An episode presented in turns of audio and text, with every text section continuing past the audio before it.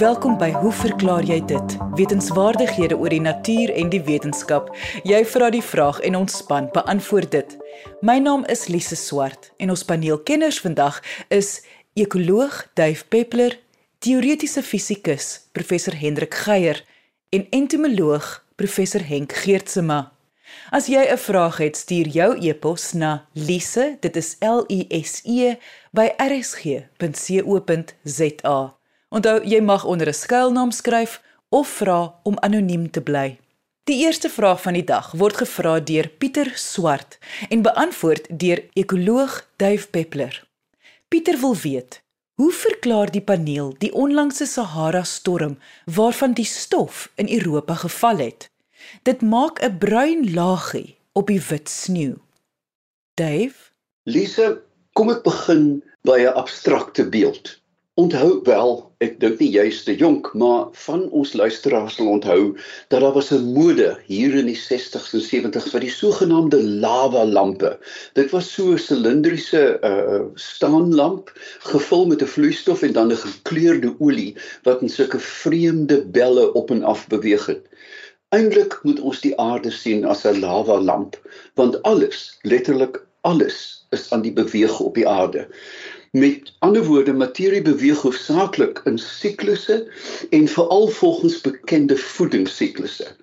Hierby voeg mens natuurlik die groot meganiese gebeurtenisse van die aarde en natuurlik die eerste ding wat 'n mens aan dink is tsunamies waar groot stukke aarde platgevee word deur die tsunami.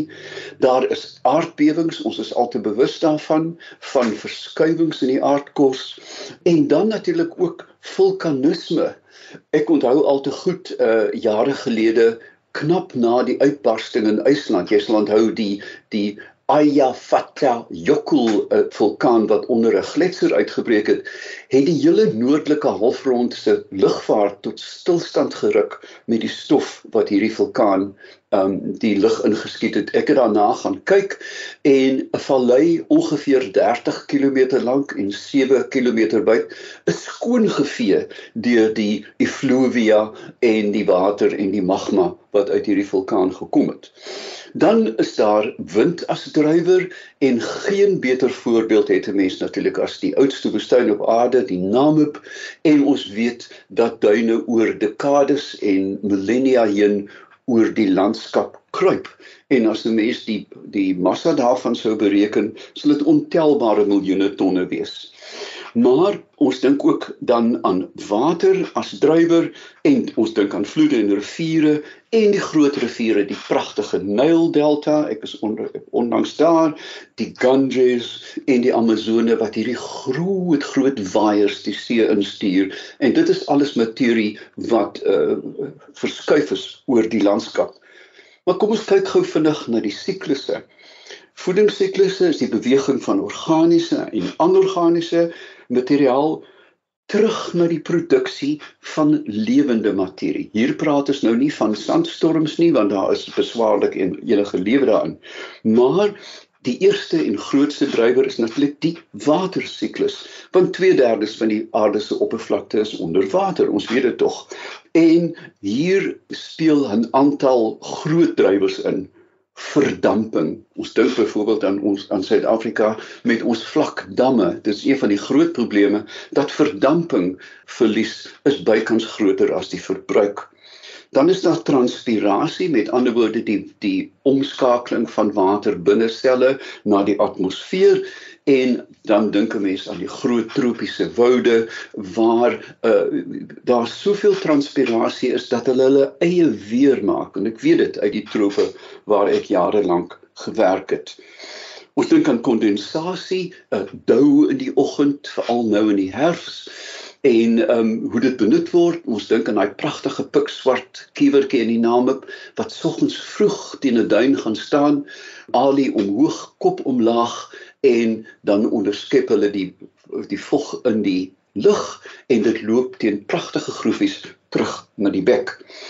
Reën, ons weet al te goed van reën, maar dit sny natuurlik ook sneeu en haal in infiltrasie. Ons wat so aangewese is op grondwater weet dat na goeie reëns styg die watertafel van die grond. En dan is daar die ewige siklus van smelt en vries en dit weet ons uh, van uh, aftasting deur satelliete van die pole dat die pole beide van hulle groei en krimp jaarliks. Die volgende uh siklus is die suurstofsiklus en hieroor kan ons 'n hele program maak natuurlik, maar asemhaling wat natuurlik uh, alle plante en diere insluit en dan natuurlik die groot groot impakdrywer fotosintese.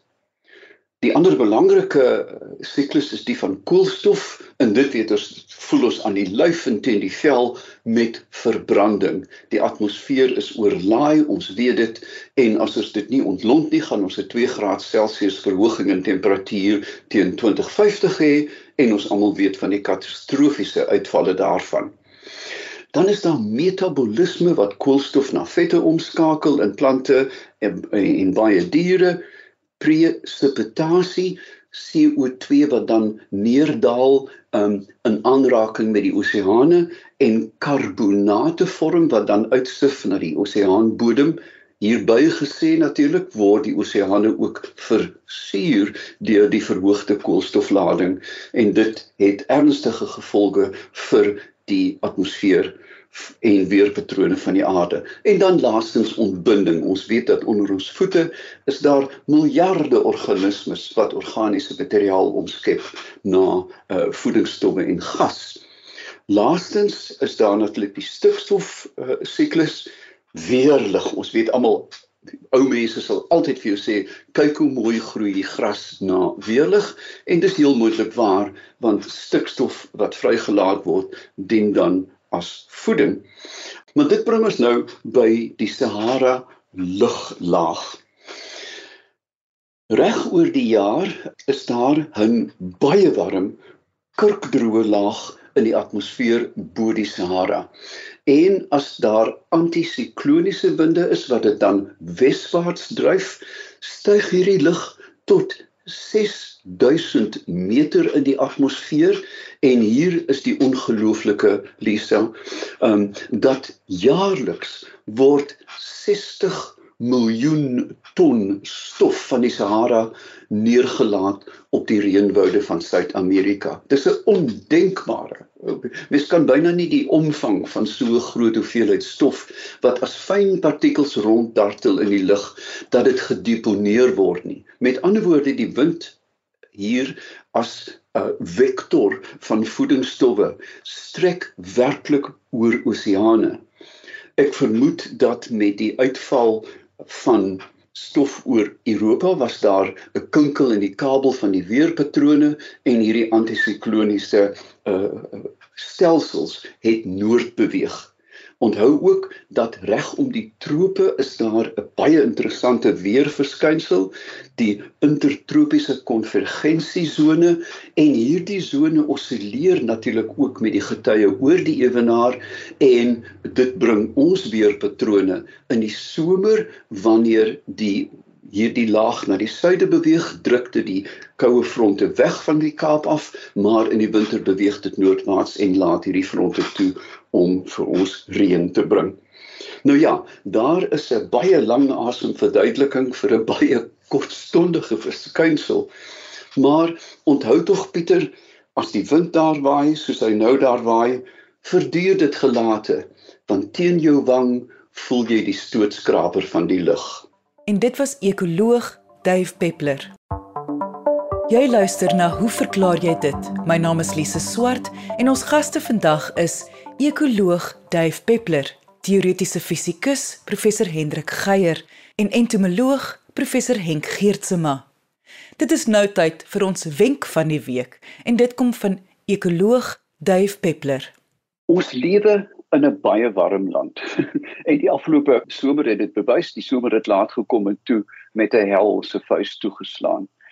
Een van die maniere wat ons ons leefruimtes kan buffer teen hierdie verskriklike hitte en extreme is natuurlik om plante te gebruik.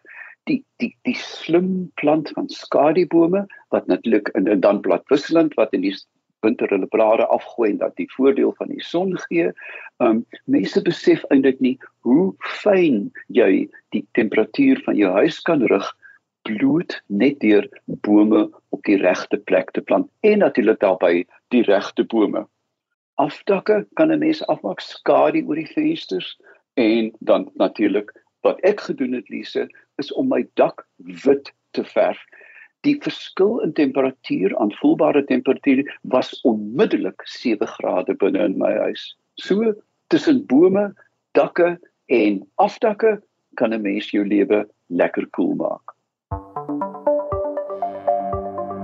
Indien jy nou eens ingeskakel het en graag die volledige episode wil luister, kan jy die pot gooi op RSG se webtuiste gaan luister.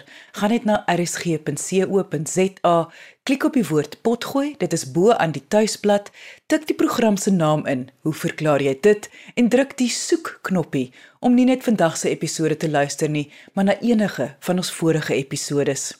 Ons volgende vraag van die dag kom van 'n anonieme persoon en word beantwoord deur teoretiese fisikus professor Hendrik Geier. Hoe ver weg is die horison en kan mens anderkant die horison sien? Professor Geier? Goeiemôre luisteraars. Dag sê Elise en uh, ja, interessante vraag hier oor hoe ver die horison van 'n mens af is of althans hoe ver jy kyk as jy die horison raak sien. Dis natuurlik die soort vraag wat tipies by 'n mens opkom as jy ergens langs die strand stap of op 'n hoë berg is en rondom jou uitkyk, uh, dan wonder jy hoe ver kan jy nou eintlik sien? Om nou by 'n punt te begin, Lize, uh, dink ek uh, moet 'n mens sê jy jy aanvaar nou dat die aarde 'n perfekte sfeer is. Sy radius is 6371 km. En nou het 'n mens eintlik nie veel meer nodig as skoolwiskunde om 'n sommetjie te maak om uit te vind hoe ver kyk jy nou as jy die as jy tot by die horison kyk nie. So wat 'n mens nou jou voorstel is jy stel die, die aarde as 'n sirkel voor 'n deursnit van die aarde en jy het 'n straal van die aarde geteken van die middelpunt tot daar waar jy nou op die op die aarde staan en ons kyk nou eers net na die situasie waar jy op seevlak staan met ander woorde die hoogte wat jy bokant seevlak is is nou jou ooghoogte sê maar omtrent so 1,7 meter. So jy kan dit nou in, inteken op jou skets natuurlik nie volgens skaal nie want 1,7 meter vergeleke met 6371 km gaan jy nou nie op 'n klein sketsie op skaal voorgestel kry nie, maar dit is nie ter saake nie. Ons wil eintlik net uit uitkom by die punt waar ons 'n sommetjie kan maak want die sommetjie wat ons gemaak is om nou van daai punt waar jou oog bokant die die grondoppervlak is 'n lyn te trek, 'n raaklyn na die horison toe. En by daai punt sluit hierdie raaklyn natuurlik aan by 'n ander radius of straal van die aarde. En omdat dit 'n raaklyn is, weet ons van skoolwiskunde dat die, die hoek wat hierdie lyn wat nou die afstand na die horison voorstel met die radius maak wat by daai raakpunt aankom, dis 'n 90 grade hoek. So nou sit ons met 'n reghoekige driehoek wat drie sye het. Die een is so lank soos die aarde se radius plus jou ooghoogte. Die ander een is net die aarde se radius en die derde een is nou die afstand wat ons wil bereken. En nou weet ons van Pythagoras se stelling hoe om dit te doen. Die kwadraat van die langste sy is gelyk aan die som van die kwadrate van die twee korter sye. En as ons nou simbole daarin sit, dan kom ons by die punt waar die afstand, kom ons noem dit nou maar D van jou oog na die horison kan 'n mens uitwerk as die vierkantswortel van die produk van twee goed. Die een is jou ooghoogte en die ander een is twee keer die radius van die aarde plus jou ooghoogte. Nou vir alle praktiese doeleindes kan 'n mens met daai ooghoogte relatief tot die radius van die aarde of eintlik twee keer dit weglaat. So nou sit jy met die formule die afstand is die vierkantswortel van twee keer die radius van die aarde vermenigvuldig met jou ooghoogte En as 'n mens nou syfers hier wil insit, moet jy natuurlik nou net onthou dat 'n mens tipies die een in kilometer en die ander een in meter meet. So jy moet nou net sorg dat jy die regte eenhede het wat vir jou uiteindelik 'n numeriese waarde kan gee. En as 'n mens hierdie syfers insit, kan jy uiteindelik 'n een eenvoudige formuletjie neerskryf, die afstand en dis nou uitgedruk in kilometer is 3,57 vermenigvuldig met die vierkantswortel van jou ooghoogte. So as die ooghoogte 1,7 meter is, vierkantswortel daarvan vermenigvuldig met 3,57 gee vir jou omtrent 4,65 km. Dit is hoe ver die horison van jou af is as jy oor die see uitkyk. Kom ons kyk net hoe lyk die situasie as 'n mens nou van ander hoogtes af kyk. Soos jy nou byvoorbeeld nou net twee twee moontlikhede noem. Die hoogste gebou op aarde, die die ding wat daar in Dubai staan met die naam van die Burj Khalifa, hy is omtrent 830 meter hoog. Die gebou self is 834 meter bo seespieël. Soos jy nou hierdie twee syfers bymekaar tel en in die formulietjie insit wat ons nou pas genoem het, sê dit vir jou jy kyk net so verder as omtrent 100 km, 103 km om presies te wees as jy van daai hoogte af kyk. Dis nou aangeneem dat uh besoedeling jou jou sig sig afstand nie dermate beïnvloed uh dat jy nou nie deur as dit ware die die rook mis kan kyk nie. As jy dieselfde vraag vra vir die hoogste berg op die aardoppervlak, Mount Everest 8848 meter, dan behoort jy daar as die wolksituasie en die kondisies perfek is omtrent 336 km ver te kan sien. En 'n mens kan dieselfde vraag vra vir hoe ver jy op die maan sou kan sien. Onthou daar was al by 6 geleenthede twee persone wat op die maanoppervlak rondgeloop het. So daar's 12 mense wat letterlik al van die maanoppervlak na die maanhorison gekyk het. Nou die maan se se dees is 'n radius is 1737 km vergeleke met die aarde se wat 6371 km omtrent is en as 'n mens nou dieselfde formule gaan neerskryf vir die maan dan kom jy agter jy moet die afstand met nog 'n faktor 0.52 vermenigvuldig so 'n tipiese 1,7 ooghoogte sou beteken jy sien die maan se horison as jy op die maanoppervlak staan omtrent 2,4 km ver. Nou as geometrie die enigste oorweging was is dit die einde van die storie Maar nou staan nog so 'n klein kinkeltjie in kabel as ons onthou dat lig wat nou van die son af inkom vir alle praktiese doeleindes van vakuum deur die atmosfeer skyn en die atmosfeer het 'n brekingsindeks wat beteken die lig wat inkom word effentjies gebuig. Nou ons sê dikwels gebuig maar dit beteken eintlik maar net die voortplant rigting verander en dit plant steeds reglynig voort. So dit is nie regtig buig nie, is eintlik meer 'n afwyking van die voortplant rigting, maar nietemin die brekingsindeks van lig is besonder klein 1,00027, so die effek is baie klein, maar nietemin nie weglaatbaar nie om die waarheid te sê.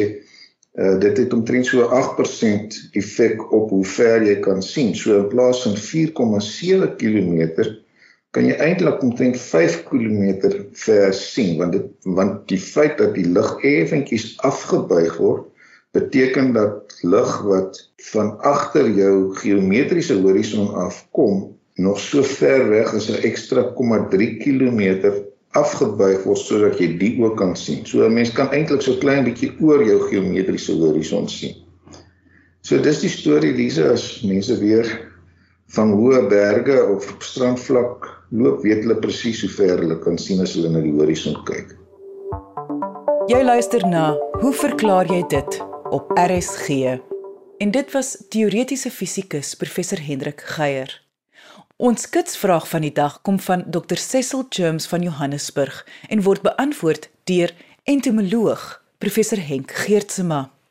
Dr Germs skryf: Ek het 'n paar dae gelede hande staan en was by die wasbak toe ek 'n groepie baie klein voorwerpe aan die venster vasgeheg sien. My eerste gedagte was dat hulle skoenlappereiers is wat 'n mens gereeld op 'n bondel op 'n tak of iets sien. Maar hierdie ronde goetertjies kom voor op die punt van die fynste draadjie wat loodreg op die vertikale venster vasgeheg is. Daar is net een kol van hulle op die venster, asof 'n insek of iets hulle daar gelê het. Maar hoe word die fyne, ewe lank stingeltjies so netjies gevorm? Ek het toe die selfoon gegryp en met my vrou Amanda wat 'n bietjie swart papier vashou om die weerkaatsings af te weer, 'n foto geneem. Die gepaardgaande vierhoutjie op die foto sal 'n begrip van grootte vergemaklik. Ek het dadelik aan hoe verklaar jy dit gedink. Vir die luisteraars, indien julle hierdie foto wil sien, gaan gerus na rsg.co.za. Professor Geertsma. Nou, Dr. James, wat u gefotografeer het, is 'n eierpakkie van 'n gaasvliegie, Green Lace Wing. 'n Middelmatige groot groenerige insek wat tot die meerleeugroep en familie Chrysopidae behoort. Hulle is roofinsekte en word dikwels in huistuine, maar ook op landbougewasse aangetref en dikwels na lig aangelok. Gaasvlekkies, soos baie ander insekte soos kewers, vliee, skoenlappers, motte en bye, se lewensiklus bestaan uit 4 stadia. Die eier die larvale, die papie en die volwasse stadium. Nou die gasvlekkies eiers is dus in die eerste stadium van die betrokke insek se lewensloop. Die eiertjies word in groepies gelê en die groepies kan wissel van 'n paar tot soos op die foto meer as 30 eiers. Twee vrae dui op: Hoekom word die eiers op steeltjies gelê? En twee: Hoe word die eiers op steeltjies gelê? Nou, die larwes wat uit die eiertjies uitbroei is predatories.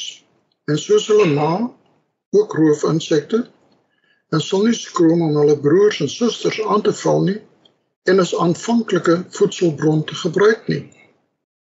Deurdat die eiers op steeltjies gelê word en nie soos in die geval van byvoorbeeld skoenlappers naby mekaar op 'n oppervlakte nie, word kontak tussen die individue vermy. Verder broei die eiers wat in dieselfde tyd gelê word op verskillende tye uit wat dan ook die potensiaal vir gevaarlike kontak verhoed. Na uitbroeiing beweeg die pas uitgebroeide larwe weg van die eierpakkie. Met ander woorde, hy beweeg grond toe om prooi soos plantluise elders te gaan soek. Plantluise is 'n baie gesogte voedselbron vir die insekte. Die larwes het goed ontwikkelde kake wat 'n plantluis vasvang en in middel van 'n binnengleuf in die kake die plantluis uitsuig totdat net 'n leerdop van die plantluis oorbly. 'n Interessantheid van die larwes is dat die uit op uitgesuigde prooi op hulle rug geheg word vir kamouflasie.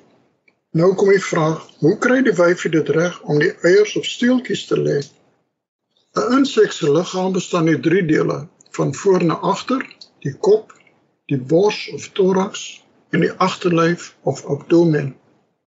Die voortplantingsorgane van alle insekte is aanwesig op die agterste punt van die agterlyf van waar die eiertjies die agterlyf verlaat. By die opening is daar ook 'n paar gomklere aanwesig. Wanneer die wyfie van die gasvlerk haar eiers wil hê, soek sy 'n geskikte plekkie meestal op die bo-onderkant van 'n gladde blaar of soos in hierdie geval op die vensterglas. Gasvlekkies word dikwels na lig aangelok en beland sodoende op die buitevenster. As jy dan moet, sal sy eiertjies daar en dan lê. Op 'n geskikte oppervlak tik sy deur 'n agterlyf ondertoe te buig 'n kolletjie gom op die oppervlakte. Nou beweeg sy haar agterlyf opwaarts en met die opwaartse beweging van haar agterlyf word 'n gomdraadjie wat vinnig droog word en verhard gevorm. Wanneer sy nie hoër kan buig nie, word die eiertjie op die punt van die steeltjie geheg. Die proses word herhaal totdat sy al haar eiertjies gelê het. Hierdie soort gaasvlekkie lê een eiertjie op 'n steel. Daar is ander soorte gaasvlekkies waar die eiertjies as 'n enkele bondeltjie op 'n steel gelê word. En dit was entomoloog professor Henk Geertsema. Indien jy 'n vraag het, stuur jou e-pos na lise@rsg.co.za. Ek sê baie dankie aan ons kenners en vraagstellers vandag. Onthou om altyd nuuskierig te bly en vrae te vra. Tot volgende week net hier op RSG saam met my Lise Swart. Totsiens.